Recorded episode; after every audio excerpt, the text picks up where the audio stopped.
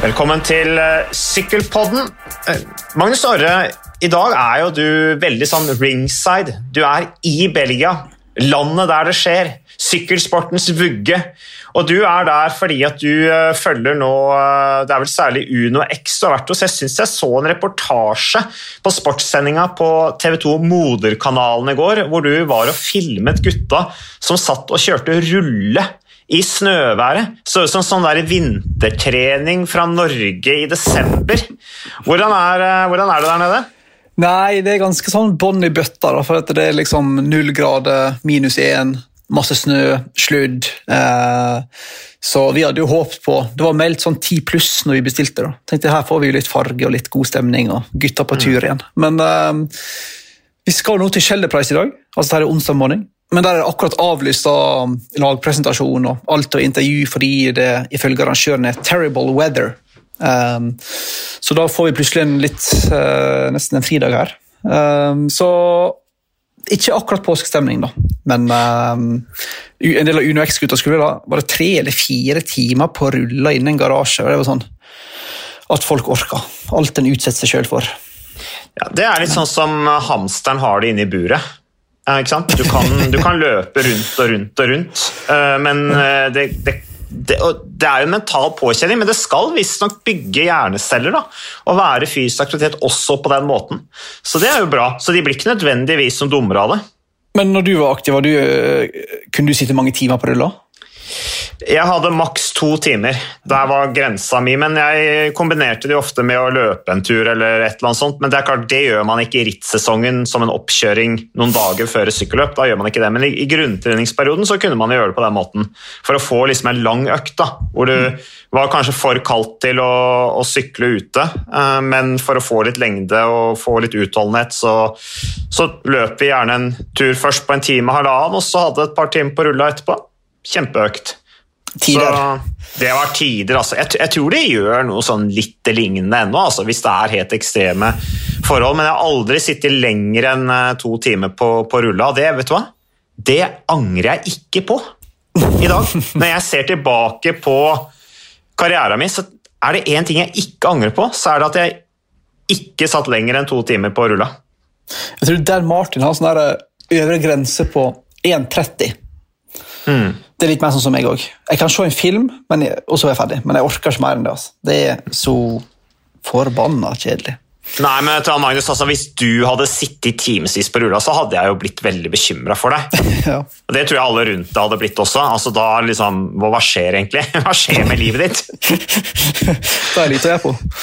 Ja, nei, så, men Jeg husker Patrice Halgan, som jo tross alt var en veldig god rytter, vant etappe i Tour de France og greier når jeg var lagkamerat med Anne Kredi Orkol, han hadde grensa på 30 minutter han, på rulla. Eh, så hvis det da var helt forferdelig vær og det sto seks timer på programmet hans, så sykla han allikevel ikke mer enn 30 minutter på rulla. Fordi han mente at det var farlig for kroppen å sykle mer enn 30 minutter på rulla fordi du svetta så mye. Det var hans teori. Og en, må, annen, ja, en annen teori Du må ikke svette når du trener, vet du. Nei, og hvis han skulle ut og sykle seks timer, så var det sånn at han sykla da dro ut så tidlig at han var hjemme til seinest klokka tolv. Fordi at klokka tolv, da spiste han lunsj. Å oh ja, ok, så liksom, for jeg spurte hvorfor drar du så tidlig. Jo, fordi at klokka tolv så spiser jeg jo lunsj. Å oh ja, ok, det er derfor, ja. Så det var noen sånne Så vi er litt forskjellige. Men, men, men ja, en annen ting, Magnus. Eh, altså, jeg, jeg snakka med Gabriel Rask uh, om Dylan van Barl før Flandern rundt. Og Dylan van Barl vant jo Dvare og Flandern, ikke sant? i suveren stil. Det var jo den høyeste gjennomsnittsfarta de har kjørt der noensinne. Uh, helt rå, rå kjøring av Inios-rytteren fra Nederland. Men altså, dagen etter så sykla Dylan van Ball fem timer. Og Så spurte jeg Gabba hvorfor, gjorde han det. Nei, det lurte jo egentlig de litt på også, men det er fordi at han pleier alltid å kjøre en langtur da tre dager før en viktig konkurranse. Og så sa jeg, men han, han kjørte jo selv dagen etter et tøft sykkelløp, liksom. Ja, nei, Det var liksom hans rutiner. altså. Vi er noen rutinedyr. Jo, men sånn er det vel òg, mindre jeg har tatt feil. Er ikke det òg torsdagen før Flandern alltid Kristoffer legger inn en siste sånn hardøk? Eller iallfall en litt, sånn, litt halvlang tur. Mange tar jo f.eks. en sånn her um, tretimers rekognosering fredagen før. Kristoff, mm. torsdag. Ja. Du skal ha disse tre dagene før, da. Men um, sånn må det nesten være, må ikke det? At du har, Jo noe at du har liksom en del rutiner du har funnet ut funker, og så bare stå ved det last og brast, samme hvor eh, ulogisk det egentlig er. Jo, jeg tror det er litt sånn, og det er litt sånn placebo. Det man har trua på, det funker, ikke sant? Så, så det, det stemmer sikkert, det. Men eh, Magnus, er det sånn nå når du kommer med den beskrivelsen du har av uh, der nede du ligger nede ved Sk- eh, Skjeldeelven et eller annet sted, eller? Eh, Flyplassen i Brussel, men det var nesten. Ja, Det er jo en egen region. Det, er jo én av tre regioner i ikke, i, I Belgia det er jo ikke Flandern, ikke Valloniet, men det er Brussel du er i. altså. Men uh, jeg tenkte på en ting, Magnus. Er det sånn at du angrer nå? Du hadde liksom gleda deg til å reise ned til Belgia, få sol, sitte på kafé, drikke god cappuccino, spise belgisk sjokolade, så ble det ikke sånn etter forventning i det hele tatt? Jeg synes det er helt deilig å komme seg ut der. da. Vi har sittet nå uh, på kontoret i Oslo altfor lenge, så det er litt digg. Uh, og så har vi bodd da i, i Frankrike, i Lille, fram til i går.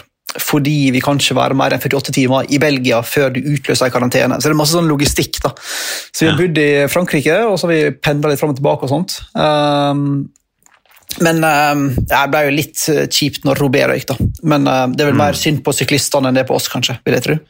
Det er jo en del syklister som kan være litt letta òg, da. Så slipper de å kjøre Paris-Roubais, tenker jeg. slipper å knekke litt bein og sånn. Ja.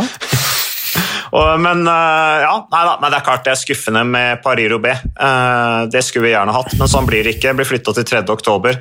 Damene, som jo veldig gleda seg til Paris-Roubais, første utgaven, de må da vente en dag mindre. 2. oktober skal eh, damerittet gå. Men eh, det er, eh, sånn er det. Sånn er det i denne verden. Men det du sier, Magnus, er at nå der nede altså, Vi vet jo at tilgangen til rytterne allerede er begrensa pga. covid-19 ikke sant? og smittevern. Men nå er i tillegg været et problem, da. Er det liksom den nye standarden i sykkelsporten? Hva skjer egentlig? Året 2021. Året som gir og gir. Ja, Men er det bare en enda en unnskyldning til å på en måte få rytteren til å slippe å snakke med media, eller? Når det er snø og er det åtte meter i sekundet vind og null pluss én grad, så um, har jeg faktisk ikke lyst til å stå i intervjusona sjøl engang. Så jeg, jeg Så er du som pressa på for dette forbudet. Jeg bare ringte deg bare sende ut en sånn eh, mail fra arrangøren. Ja, ja, Nei, det er bra. det, Magnus. Du må jo, du må jo stå på krava. eh, Og det får jo være grenser hva du skal utsette deg for, tenker jeg, som journalist. Jeg mener, Tenk på, tenk på andre i bransjen vår, i journalistbransjen, som liksom er nedi skuddlinjen i Syria og i krigssoner og, og sånne ting. Men, men det er klart at for deg også, å stå i vinden og fryse, det, er, det, det, det, det fungerer ikke. Du kan sikkert snakke litt med, med litt sånn uh, garva journalister om det der. De, de har sikkert full forståelse for at, eh, for at du ikke vil utsette deg selv for det. Men det som er litt kult, var at um, Uno X har leid et sånt, sånt svært hus midt ute i Gokk i Sippenaken i Belgia, nesten helt på grensa til Nederland og Tyskland. Og der, har det altså da, der kommer jo folk fra enkelte ritt. Noen kommer fra ritt i Frankrike, noen fra Belgia. Noen skal til Tour of Turkey, noen skal til Tour of Alps, noen skal til Schelde Prize. eh, noen skal til Amster og Brabantse Pale. Og så har de på en måte bare en base der i Belgia, sånn at du da um, slipper litt den der problematikken med å reise, Du kan jo ikke reise hjem til Norge, for da får du ti dager i karantene. Sant? Så har de bare sånn her home away from home. Eh, og så Altså, vi, vi snakka med deg i går om den debatten med Bodø-Glimt som reiste til Spania for å trene. og De får masse tyn, men syklistene får ikke noe tyn. og Friidrettsutøverne får ikke tyn. Det er feil, det er ikke triatlonutøverne eller roerne. Alpinistene. Alp, ja, ja, sant. Så det er mange som reiser ut for å trene, da. Men eh, jeg syns jo eh, Det virker ekstremt trygt, da. Og det som en del av rytterne også det er jo tryggere å være det er tryggere å være på reise og være der enn å være hjemme i Norge. Her slipper vi å gå på butikken. eh, her slipper vi å ha noe sosialt liv utafor. litt dumt for Torstein Treen, som har kjæresten sin rett over grensa i Nederland, 20 minutter unna, og ikke får besøke, men sånn er livet. Det blir sånn Romeo og Julie. Da. Ja, vi får håpe det ikke ender sånn, da.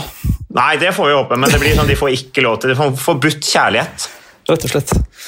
Nei, Dramatisk, der, egentlig. eh, UnoX har legger seg i selen som da. Og liksom har ressursene til å gjøre det òg, da. Og Mm. gir jo utøverne ganske gode muligheter til å forberede seg, og uh, istedenfor å drive og farte rundt uh, til Norge hele tida. Så Nei, Det er ikke noen tilfeldigheter der i gården. Altså, det er et uh, godt drevet sykkellag, det er det ingen tvil om. Uh, de tenker på det meste. og jeg mener Den samlinga de hadde nede i Spania også, hvor de fløy et eget fly ned. De hadde jo samme løsning der hvor de leide et helt kloster eller hotellkloster eller hva det var. men en ting som er sikkert var at det ble ikke innkvartert med en gjeng med munker, i hvert fall når de kom dit. Nei. Men smittevernet var på topp, og det er jo tross alt det viktigste. Men Magnus, du var jo i eh, Flandern rundt også. Eh, da hadde vi deg jo live underveis i sendinga, bl.a. fra først i startområdet i, eh, i, Antwerpen, og så reiste du videre til Ode Kvaremont, helligdommen, eller ja, det er jo den moderne helligdommen i Flandern rundt. Det er jo det Ode Kvarmont. Det er liksom der det virkelig skjer. Da var det stille. Der snakka du med han politimannen som var en veldig hyggelig fyr. Martens het han. Eh, og da tenkte vi jo på Freddy Martens alle sammen. Eh, den tidligere verdensmesteren som vant uhorvelig mange sykkelløp. Et år så vant han jo faktisk sju etapper. Det var i 1977. Så vant altså Freddy Martens sju etapper i Spania rundt, og sammenlagt. Så han kunne jo, han kunne jo sykle bra på de fleste arenaer, men han vant aldri et monument. Nei, gjorde og dessuten, nei, og dessuten i tillegg, Freddy Martens han er jo nå sånn uh, museums... Han jobber jo i dette her Flandern rundt-museet i Odenarde, og er med å gi guida torer. og Der kan du bl.a. sykle sånn sykkelsimulator hvor du kan konkurrere mot Pet van Petergem og Johan museet osv. på brostein da, for å kjenne på at det rister. Tar jeg feil nå med Freddy Martens, eller? Ja, for, eh, jeg må sjekke det opp. Han vant 13 etapper. Ja, det var 13 etapper i, 13 i Spania, etapper rundt, ja, i Spania rundt i 77. altså, han vant altså 13 etapper av 19. Ja, Så det er imponerende. Ja, og det sier jo litt om at Spania rundt var et litt annet sykkel litt back in the days, men likevel mm. så er jo det sjukt, da. Ja, men eh, ja, så han 13, ikke 7 etapper. Altså. Mm. Og det blir jo litt sånn at du går litt ut av tellinga, tenker jeg, når du har vunnet litt over 7 etapper. Men Var ikke, eh, var ikke det Tour de France han vant uh, sju et år, da? Jo, mulig jeg blander med de. Ja. Mm. Så, nei, men samme det. Men han, uh, Martens, var han i slekt med Freddy Martens? Eller? Nei, dessverre. Han var ikke det. Han sa it's a, very, it's a very common name here in Belgium. Så, så, og så han dumt på meg, så da tenkte jeg ja, ok. Ja. Ja, Det var jo synd han ikke jugde på seg da for det kunne jo vært et kjempepoeng. Han kunne jo egentlig blitt tatt inn i studio sånn, som ekspert. Hvis han bare hadde ljuget på seg det. Men uh, han var veldig, snakka veldig bra engelsk, og det gjør de jo stort sett nede i Flandern der. Men uh, hvordan var liksom, hva er inntrykket ditt av uh, Flandern rundt, Magnus? Du som så det fra, ditt, fra, din vinkel, der du var på et jorde nede i Flandern. Nei, altså, jeg, jeg tenker at folk kan gjerne være etter, etterpå kloke og, og si at de så seieren til Askren komme og alt det der, og at han egentlig er en dritgod spurter og sånn. Men jeg sto, jeg sto i målområdet og tenkte bare nå må han snart gjøre noe. Slutte å ta føringer eller ikke. for det, altså, Han slår han. Van de Poel står og skrev 100 og 100 ganger i en sånn spurt, tenkte jeg da. Mm. Eh, så jeg var like overraska som de fleste andre eh, over at de gikk an.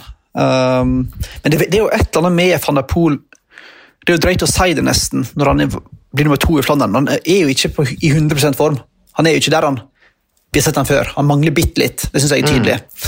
Og van Art mangler jo åpenbart litt. Mm. Um, men eh, nei, jeg er fortsatt litt sånn forundra over at han ikke vant den spurten likevel. for å være helt ærlig.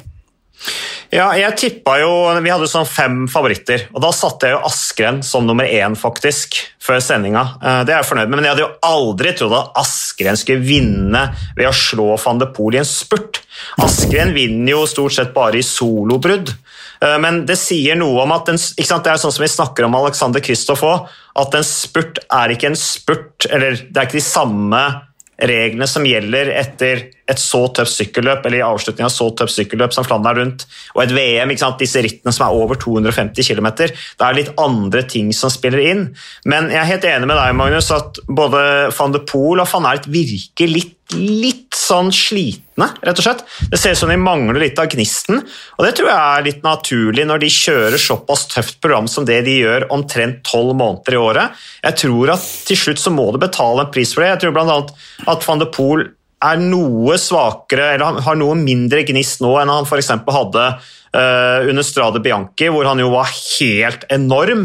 Og så kjørte han jo også utrolig hardt i Tireno Adriatico, i hvert fall på enkeltetappe. Jeg tror det på en måte tømmer han litt, når han i tillegg er verdensmester i sykkelcross og det kjøret de har hatt. så så det, det, tror jeg de skal tenke litt på, at de kanskje må periodisere litt annerledes for å ha litt mer energi når det virkelig gjelder. da.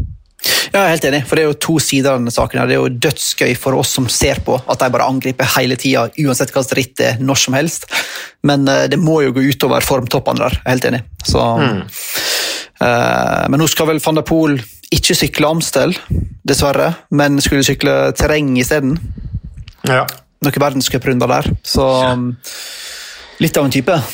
Ja, han satser jo på OL-gull i Tokyo, så det blir spennende, det. Og da, det altså, da snakker jeg om terrengsykling, hvor han eh, da skal prøve å vinne. Det skal jo også godeste Thomas Pidcock skal jo også satse eh, terrengsykling i OL i Tokyo. Så mm, det er, det er noen av så det, men det tror jeg kan være litt ålreit. For da tipper jeg at van de Poel kommer tilbake fra den satsinga, er i superform igjen. Eh, for da har han på en måte vært på en litt annen arena, og sykler på en litt annen måte. og Jeg tror han får litt energi av det, eh, de der vekslingene.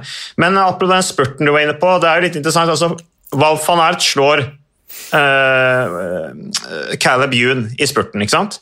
I Tour de France. Og så slår jo da og, så, uh, og så slår van de Poel van Ert i spurten. Uh, men så slår da Askren van de Poel i spurten. og det blir sånn, ok, Eh, skal, er Asken egentlig så god til å spurte at han kunne vært med kjempe om massespurten i, i Tour de France? Det er et resonnement som er helt elendig. Ja. det er litt sånn derre uh, når Liverpool tapte 3-0 mot Birmingham, og Birmingham tapte i en preseason-kamp mot Brann, betyr det at uh, Liverpool hadde rykt ned fra tippeligaen?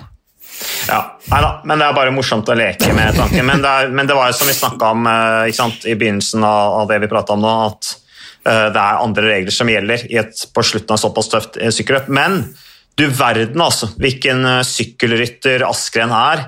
Og dette her at han hele tiden var med og dro sammen med van de Poel, tok minst like lange føringer. altså Det bare oste jo selvtillit av han, og jeg så en sånn YouTube-video som uh, Elegant Quickstep, som de heter nå, uh, har lagt ut. hvor du ser Tom Steels og han Wilfred Peters, disse sportsdirektørene, sitter og prater til Askren i radioen. og liksom yeah, Yeah, we believe in you in the sprint. Eh? We believe in you in the sprint, ikke sant? Og Han dro jo en lang spurt også. Han starta vel spurten 250 meter før mål.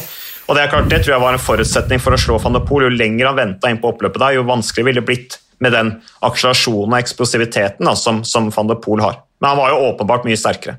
Ja, han var det. Sjelden du ser van de Poel bare gi opp i en spurt. Ja.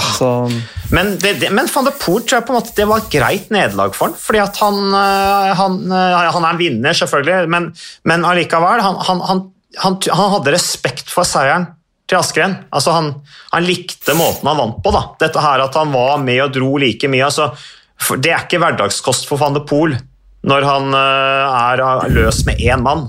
Det tror jeg han på en måte har stor respekt for, for uh, Askren. og det sa han jo også Rett etter målgang så kom han bort til Askren, uh, ga han en klem og sa han, you, you deserve to win, sa han. Så ja, han var i intervjusonen han, han snakket om det hele tida, hvor fortjent seieren var. Men du så han var han, han sa vel òg 'extremely disappointed', og så gikk han bare fra et intervju med noen ved siden av oss før det var ferdig òg. Så jeg, jeg, jeg, tror han, jeg, tror egentlig han var ganske sur. Men han skal ha for mm. at uh, han er sporty i nederlagets store time, som uh, mange av seg gutta egentlig er. må jeg si. Både van Art og Roglic og van der Poel. Og, uh, det er ganske sporty når det kommer mål. Det er ikke drittkasting og slåsskamper, sånn som i the good old days da du var aktiv. Nei, de er proffer. ass. De er skikkelig proffer. Så, eh, så det, det, skal de ha. Ellers var de norske prestasjonene litt sånn eh, det var jo ikke noe å, flagge for, eh, det vi, det vi, endte opp med i årets Flandern rundt. Kristoff på en 18.-plass, som er hans dårligste plassering i det rittet siden han debuterte i 2012. Um, så jo lovende ut lenge, for så vidt.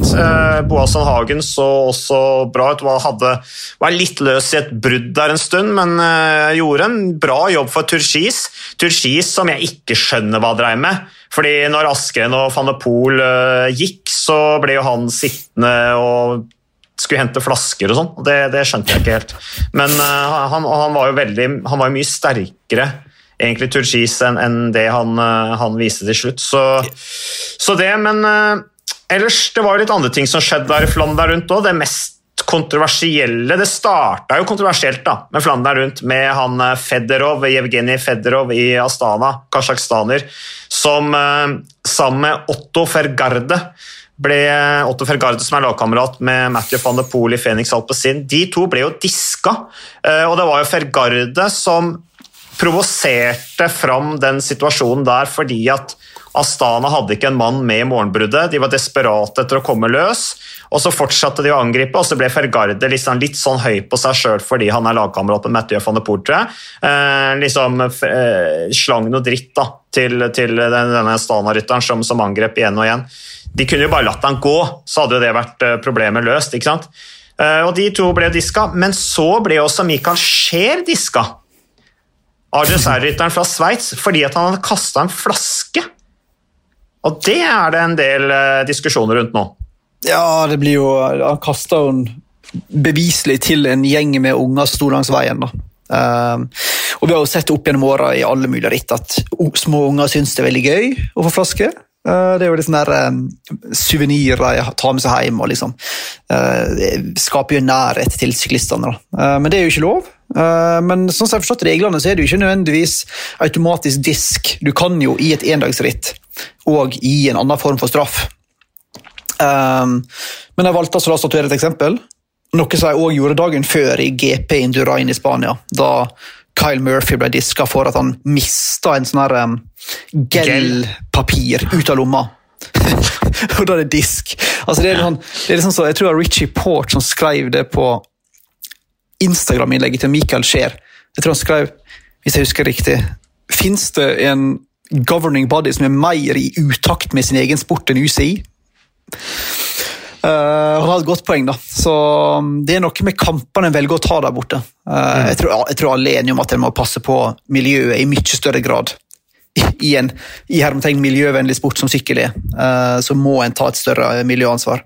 Mm. Men om en løsning er å diske folk som gir flaske til barn og miste et papir ut av lomma, det, ja, Det sier vel seg sjøl, gjør det ikke det? Jo, det blir litt for dumt. Det gjør det, altså. Så, eh, og det er jo noe med litt den, som du sier, den nærheten og at det er en sjarm ved det der å kaste flaska til, til publikum, ikke sant? til barn som plukker de opp og er glad for de, og det er jo litt sånn rytteren er at de det er, det er jo en litt sånn uskreven regel i feltet og en litt sånn uh, indre justis at man skal ikke kaste flasker ut i naturen. Man kaster det der hvor det står folk, fordi at de er glad for å få det, de plukker det opp.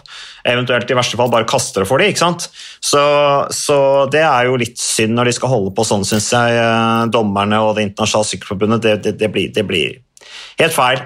Ja, Du risikerer jo å få en del situasjoner der du har en vinner av et sykkelritt, og så kommer det et bilde av at noen eh, mister et papir et eller annet sånt utafor en såkalt sånn søppelsone. Mm. Og da må du jo diske dem, for du har aldri begynt å diske folk for det. Så du kan jo få en del ganske rare utslag i ukene som kommer. Altså. Ja, nei, det, jeg tror de er litt i en sånn, litt sånn ond sirkel nå, altså, med disse reglene sine internasjonale sykkelforbundet. For jeg bare så også noen bilder sant, hvor rytterne lå med, med albuene over styret, fordi at det er en teknikk man bruker for å, for å åpne opp lommematpakkene. ikke sant? Eh, for da kan du bruke begge hendene. Eh, for det er jo ikke bare bare å, å, å få spist og få pakka opp disse matpakkene underveis i sykkelritt. Eh, og det er jo liksom da, ja, men det er jo egentlig å ha albuene på styret sånn, det er jo egentlig forbudt det nå. For det er jo en, det er en sånn sittestilling som de, sammen med denne supertuck position, som er forbudt fra 1.4. Så de har liksom vikla seg inn i noe nå som er komplisert, altså. Og, kan det, og det kan fortsatt bli mye diskusjon om det. Ja, for regelen er at du skal vel ha handa Håndflata skal vel være i kontakt med styret, er ikke det som er regelen? Uh, så du, må, du kan ikke bare for ha undersida av armen på styret eller albuen. Du må òg ha handa på Så det er jo ganske spesielt, da. Uh, for å si det sånn. ellers ellers var det mye kastesoner sånn i Flandern. Jeg tror det var seks-sju kastesoner. Blant annet en sant, rett før mål var det en kastesone. Så de var jo veldig flinke med å, å bruke det, og det syns jeg jo er flott. men kan ikke bli for rigid, altså. Ellers så sykla jo uh, Ellers er det litt gøy, da. Sett med dine spanske øyne, Magnus. Du er, du er jo ikke du er jo ikke spanjol, men Spania er jo ditt andre hjem allikevel. Eh, da er det jo litt stort at Movistar vinner Flandern rundt med Annemiek van Fløyten. Jeg kunne ikke brydd meg mindre.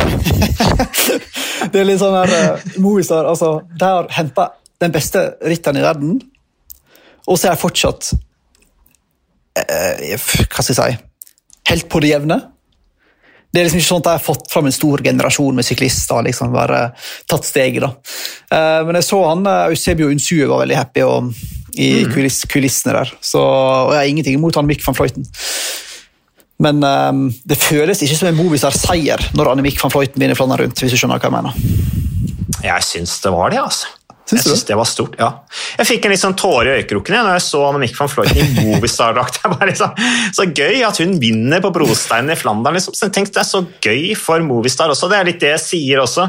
Uh, eller som jeg har sagt tidligere på Sykkelpodden, at det er jo liksom Det vil jo gjøre at verdien på damesykling går opp, tenker jeg, når da lag som kanskje ikke har budsjett til å kjøpe et stort nok herrelag, men de har kanskje budsjett til å kjøpe et, et det beste damelaget. For det, det, er jo mye, det, er jo, det, det får du til mye rimeligere pris.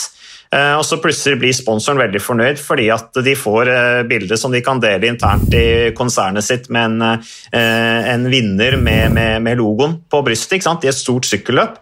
Og det går timevis på TV av gode seertall også, sånn som jo Flandern rundt har da, nedover i, i, i Mellom-Europa.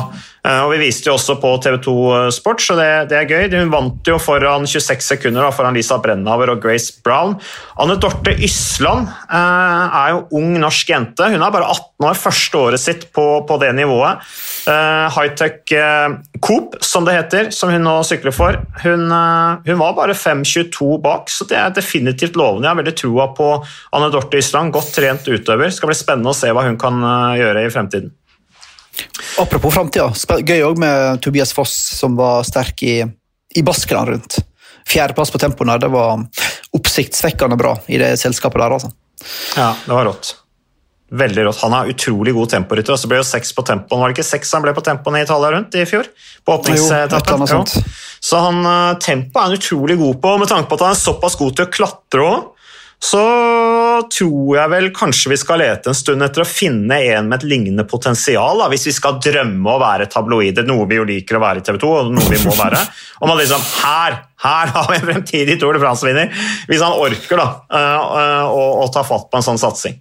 Ja, det er deilig, ja, jeg er enig, for det er deilig at du ser at det er en sånn Det er gradvis uh, Hva heter det uh, Gradvis trend som går riktig vei hele tida. Uh, det går liksom Det er ikke sånn oppå Eh, pallen i worldtouren med en gang, type Evenepool eller Pogacar. Men det går liksom hele tida riktig vei. Han var sterk i Treno Adriatico, sånn topp 15 der tidligere i sesongen. Ja, ja, ja. Det var et hardt, hardt, ritt med vanvittig sterk deltakelse, og så ser det ut som han stiger nå. da. Så hmm. Det ser ut som han, han skjønner jo at han må ta stegene gradvis. Uh, og ikke bli for ivrig. Uh, det handler jo om å finne på en måte både matchvekt og riktig matching i hard nok ritt. og alt sånt. Så det ser veldig lovende ut. Det er det absolutt. Mm. er gøy. Eh, sympatisk fyr. Eh, så det blir spennende å se på han. Så er det jo noe med det at han, at han, han har vunnet Tour de Lavenir, Tobias Foss, eh, og da ser man liksom at ja, det, var, det var en bra utgave, tydeligvis, det året han vant. fordi det er ikke noe tilfeldighet at han står som vinner av Tour de Lavenir. Og når vi ser på lista over alle som har vunnet Tour de Lavenir, så er det jo en del spreke navn som har, blitt, som har hatt stor suksess i store etapperitt. Så det blir spennende å se på Tobias Foss videre. Ehm, Magnus, eh, du eh, Shelter Price eh, det går jo da i dag, og du, det blir litt sånn Skal du bort deg og se på målgangen, eller? Ja da, vi skal, skal, skal, til målgang. Der var det lov å snakke med folk. Men jeg mistenker jo at det blir noen korte intervju. Mm, folk ja, noen kalde våter, Ja, så vi får se hva det blir. Men uh, vi skal bort dit, ja. Jeg så litt på Shelder Price i går, og vi er veldig opptatt av historie i sykkelpodden. Um, og det er faktisk et ganske gammelt sykkelløp. altså Første gang arrangert i 1907. Har jo vinnere som Eddie Merckx og Nå hopper jeg litt historisk, da. Når jeg da går opp på Marit Cipollini, Peter van Petgem, Robert McEwan, Tom Boone Marcy Kittel er den som har vunnet det flest ganger, fem ganger. Alexander Kristoff vant jo i 2015, samme år som han Flandern rundt. Fabio Jacobsen, rytteren som jo ble så kvesta på dette oppløpet i Katowice i Polen rundt i fjor, har vunnet det to ganger. Og Caleb Ewan vant det i fjor. Kurt Asle Arvesen har faktisk en tredjeplass der, fra 2001 da han syklet i Team Fakta. Da var, da var, det Endrio Leoni, italiener i Alesso, som vant foran Jeroen Bleilevens, denne lille nederlenderen, som uh, var en utrolig god spurter. Så det blir litt spennende å se hva Uno X-guttene og de andre norske kan få til. Da. Det er jo ikke bare Uno X som stiller her, de stiller for øvrig med Kristoffer uh, Halvorsen bl.a., men du har jo Edvard Baasen Hagen stiller, Alexander Kristoff stiller, Sven Erik Bystrøm, Vegard Stake Lagen og August Jensen. Så Kanskje får vi en norsk seier?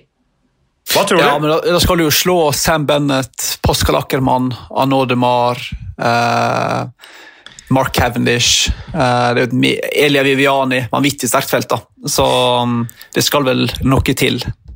Men det finner vi fort ut når podkasten er publisert, så er det i mål. Så da kan den se veldig ja, dumt med norsk det, seier. Så. Det her blir en veldig lang podkast, eh, Magnus, for at du har jo ikke noe å gjøre.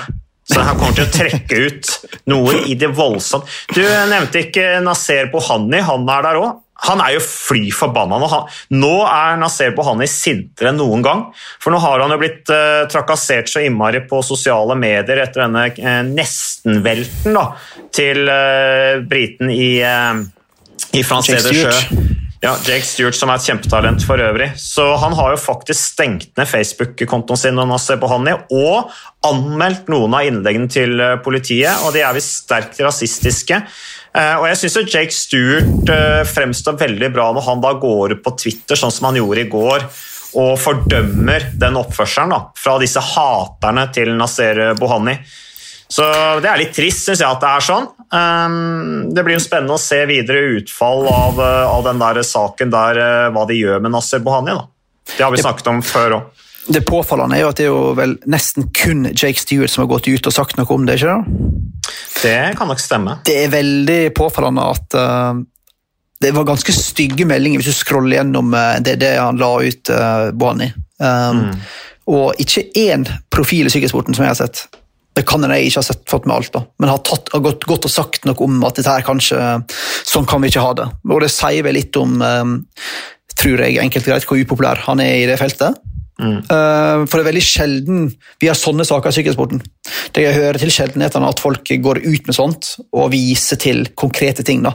og så er det ingen som tilsynelatende bryr seg. Så litt sånn mm. stygg litt sånn stygg greie det der. Og du mm. syns litt synd nesten på Bohani, som Uh, uten å kjenne han personlig, selvfølgelig, men virker som han skjønner sitt eget beste i sykkelritt. sant? Gjør det samme gang på gang, blir upopulær, evner mm. ikke å på en måte være diplomatisk i bakkant.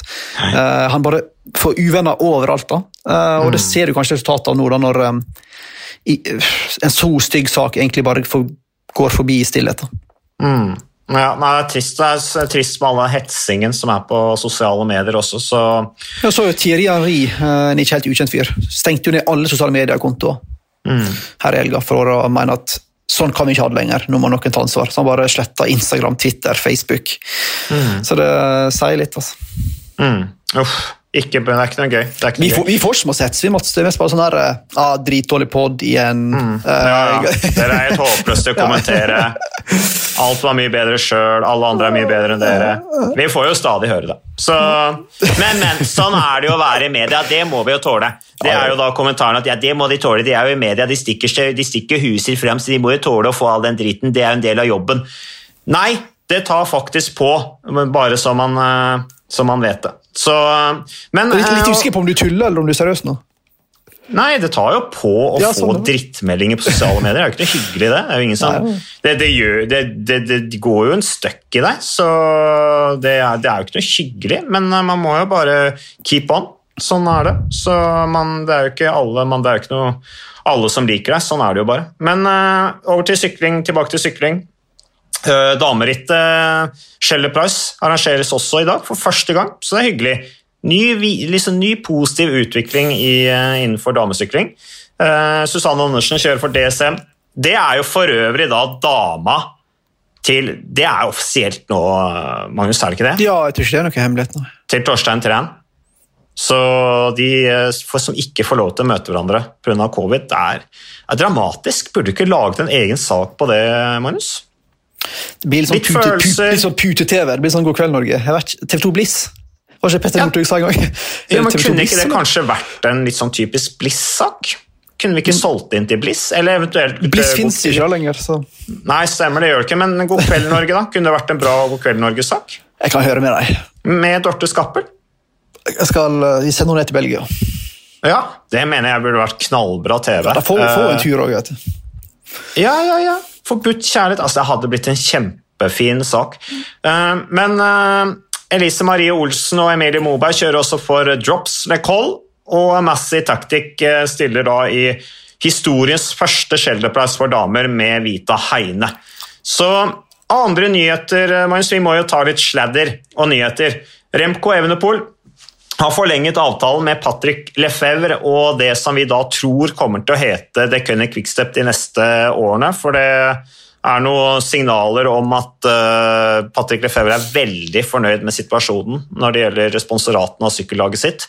Eh, forlenget altså med fem nye år, og det er den lengste avtalen som noen gang er signert i The Cunning Quickstep-laget.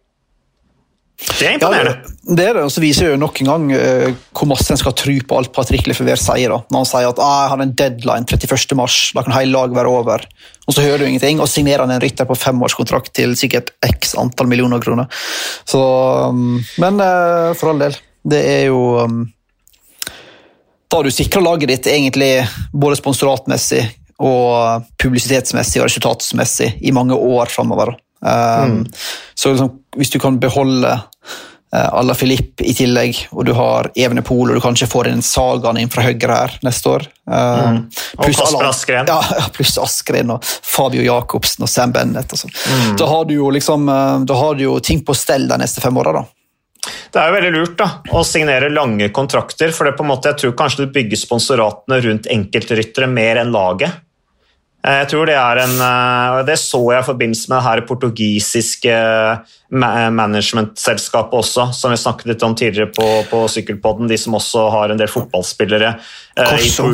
Ja, Corso, ja. Eh, At de også sa at de, kunne, de mente at de kunne skaffe en sponsor som egentlig var mest interessert i enkeltrytteren, men at sponsoren kanskje i tillegg var interessert i å bygge et lag rundt den enkeltrytteren, da, og dermed egentlig finansiere et helt lag. Eh, og det er jo litt sånn, Da kommer vi inn på Peter Sagan også, Magnus. fordi Eh, Som du sier, Det ryktes at Peter Sagan er i dialog med, med Cunning Quickstep. Det er sikkert naturlig, fordi at Peter Sagan er jo nok litt provosert tror jeg, av Ralf Denk, manageren i Bora Hansgrohe, som går ut i media og sier at vi har nok sett det beste av Peter Sagan. Det er ikke sikkert vi, vi kommer til å resignere hans. Jeg, jeg, jeg, jo, jeg er helt enig med Jonathan Waters, manageren i EF Education, og han da sier at Ralf Denk får tenke seg litt om, for det er ikke sikkert det hadde vært noe Bore Hansgrohe uten Peter Sagan. Jeg synes det er litt sånn respektløs måte å behandle en rytter som så til de grader har bidratt med publisitet og resultater til sykkellaget. Altså. Det er rart du velger å ta det i offentlige offentlig fora. Det er det absolutt. Selv om, um, selv om resonnementene hans gir mening for absolutt alle. Så er det veldig rart å ta det offentlig. Helt enig i det. Ja, jeg syns jo det, for det, det er jo noe med liksom, ja, Peter Sagan han vil vi ha for alltid. Eh, og vi skal selvfølgelig sette oss ned og behandle han med respekt og, og prøve å, å bli enige med det samarbeidet vi har hatt. Og så, og så går han ut på den måten der, og Peter Sagan må liksom svare for seg. Nå var jo Peter Sagan veldig diplomatisk synes jeg, i svarene sine han sa liksom, er, vi, nå er det ikke sikkert at Ralf Denk er sitert helt riktig sa Peter Sagan. Eh, så, så han, han holdt jo Han holdt seg jo i skinnet, da. Jeg liker at Sagan går ut og sier det, at han kanskje ikke siterte riktig, mens Denk sjøl har Jeg tror han er sitert helt riktig. Han har ikke sagt noe om at det er feil.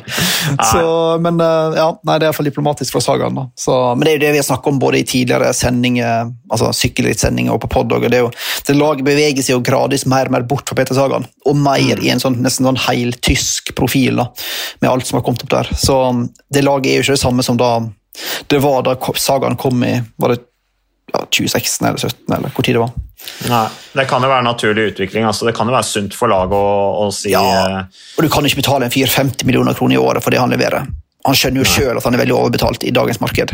Så det blir spennende å se hva han kan håve inn av eh, penger i De König, som ifølge Lefever har veldig lite penger. Jeg vet ikke om jeg stoler på det heller, men vi får, vi får se. Nei, men i den saken med Saga der, så er jo Specialized veldig viktig. ikke sant?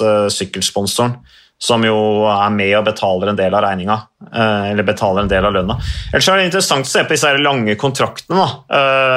jeg kan liksom ikke huske at tidligere at det er signert så lange kontrakter som det er en tendens til at det blir nå. Eh, det er jo 18 ryttere som har kontrakt i, i pro-team og World Tour-lag ut 2024. Eller 17 i hvert fall. Pogasjar er en av de da, som har kontrakt ut 2026. Og så er det denne unge italieneren, 18 år gammel, Ayoso, han har jo kontrakt med UAE ut 2025, så han vant et uh, sykkelløp i går, var det vel? I Italia. Spanjol. Mm. Spanjol er det, han er spanjol, stemmer det. Han skal sykle for uh, UAE fra august. Og så er det 14 ryttere som uh, har kontrakt ut 2024, inkludert van Art, Madois, Sepp Kuss. Jumbo Visma har jo signert mye lange kontrakter i det siste. Ayoso er jo en, er en potensiell ny Evenepool-variant. Han vant vel både GP Piva og Belvedere i helga to tunge italienske ritt. Mm. Han har vunnet så enormt masse og skal da i en alder av 18 Han blir vel en del av UAE-laget fram i sommeren, tror jeg. stemmer ikke? 1. august eller et eller annet sånt. Jo, stemmer. Og øh, han er enorm, og UAE har jo en soper inn bare det ene stortalentet etter andre for å bygge framtida. Så de har virkelig tatt steget opp i blant de store store lagene, som er inne hos uh, De König og, og Jumbo Visma. Mm. Men de fikk ikke til i Flandern rundt. Det gjorde de ikke. Det skal bli spennende å se om de får det til i, uh, i Schelde Price i dag. Ellers er det jo uh, av det vi skal sende fremover, uh, Magnus, så er det jo Amstel Gold Race som er liksom det neste store på programmet. Van Ert har jo rydda plass til det i kalenderen sin, i og med at Paris Roubais nå ikke ble, ble noe av, eller ble flytta. Så skal det bli spennende å se om van Ert kan finne litt energi da, til Amstel Gold Race. Det skal jo kjøres i en rundløype, den korte rundløype. Eh, jeg har ikke satt meg altfor mye inn i, i, løypa, men eh, det blir ikke tradisjonelle Amstel Gold Race. i hvert fall. Nei, men jeg tror det er litt sånn, Den ligner masse på den VM-løypa, tror jeg. Mm, med Karlberg. Ja, så mm. jeg tror den er ganske lik. Så det blir jo litt annerledes eh, Amstel, som ofte er karakterisert av at det er så smale veier og masse svinger og litt sånn kupp, mm. vanskelig terreng. Litt enklere. Kult sykkelløp. Kult ja, ja, absolutt. Dødskult sykkelløp. Men uh, det kan bli bra. det. Altså, en, jeg tror løypa Det siste jeg så, jeg tror det var 14 km lang runde. og Det blir jo sånn VM-følelse, uh, så det blir, det blir bra. UnoX skal jo kjøre der. Det er kult. Um, de skal jo også kjøre det her Flesh Brabanson, som jo også er tøft ritt som, uh, som oppkjøring til, til Ardennes. Det er en sånn klassisk oppkjøring til Ardennes-klassikerne. Uh, så uh, det blir spennende å se hva de kan få til da, på det nivået der. Um, ellers er det noe du har lyst til å snakke om? Er du, er, er du på vei et sted, eller? Men jeg fikk en sånn room service her. gi, meg, gi meg to sekunder. Men uh, jeg tror vi avslutter da, denne sykkelpodden, uh, Magnus. fordi at uh, det er jo noe med å gi seg mens leken er god. Og nå, ja, for nå får du room service. Nei, på rommet, så da må jeg ja, Du får frokost på rommet, ja? Ja, ja, ja. For så spiser i offentlig, offentlige rom i Belgia, så da må alt gå på rommet. Nei, Der ser du, der ser du disse smitteverntiltakene. er bra de fungerer i praksis også. Tusen takk for at du lyttet på Sykkelpodden.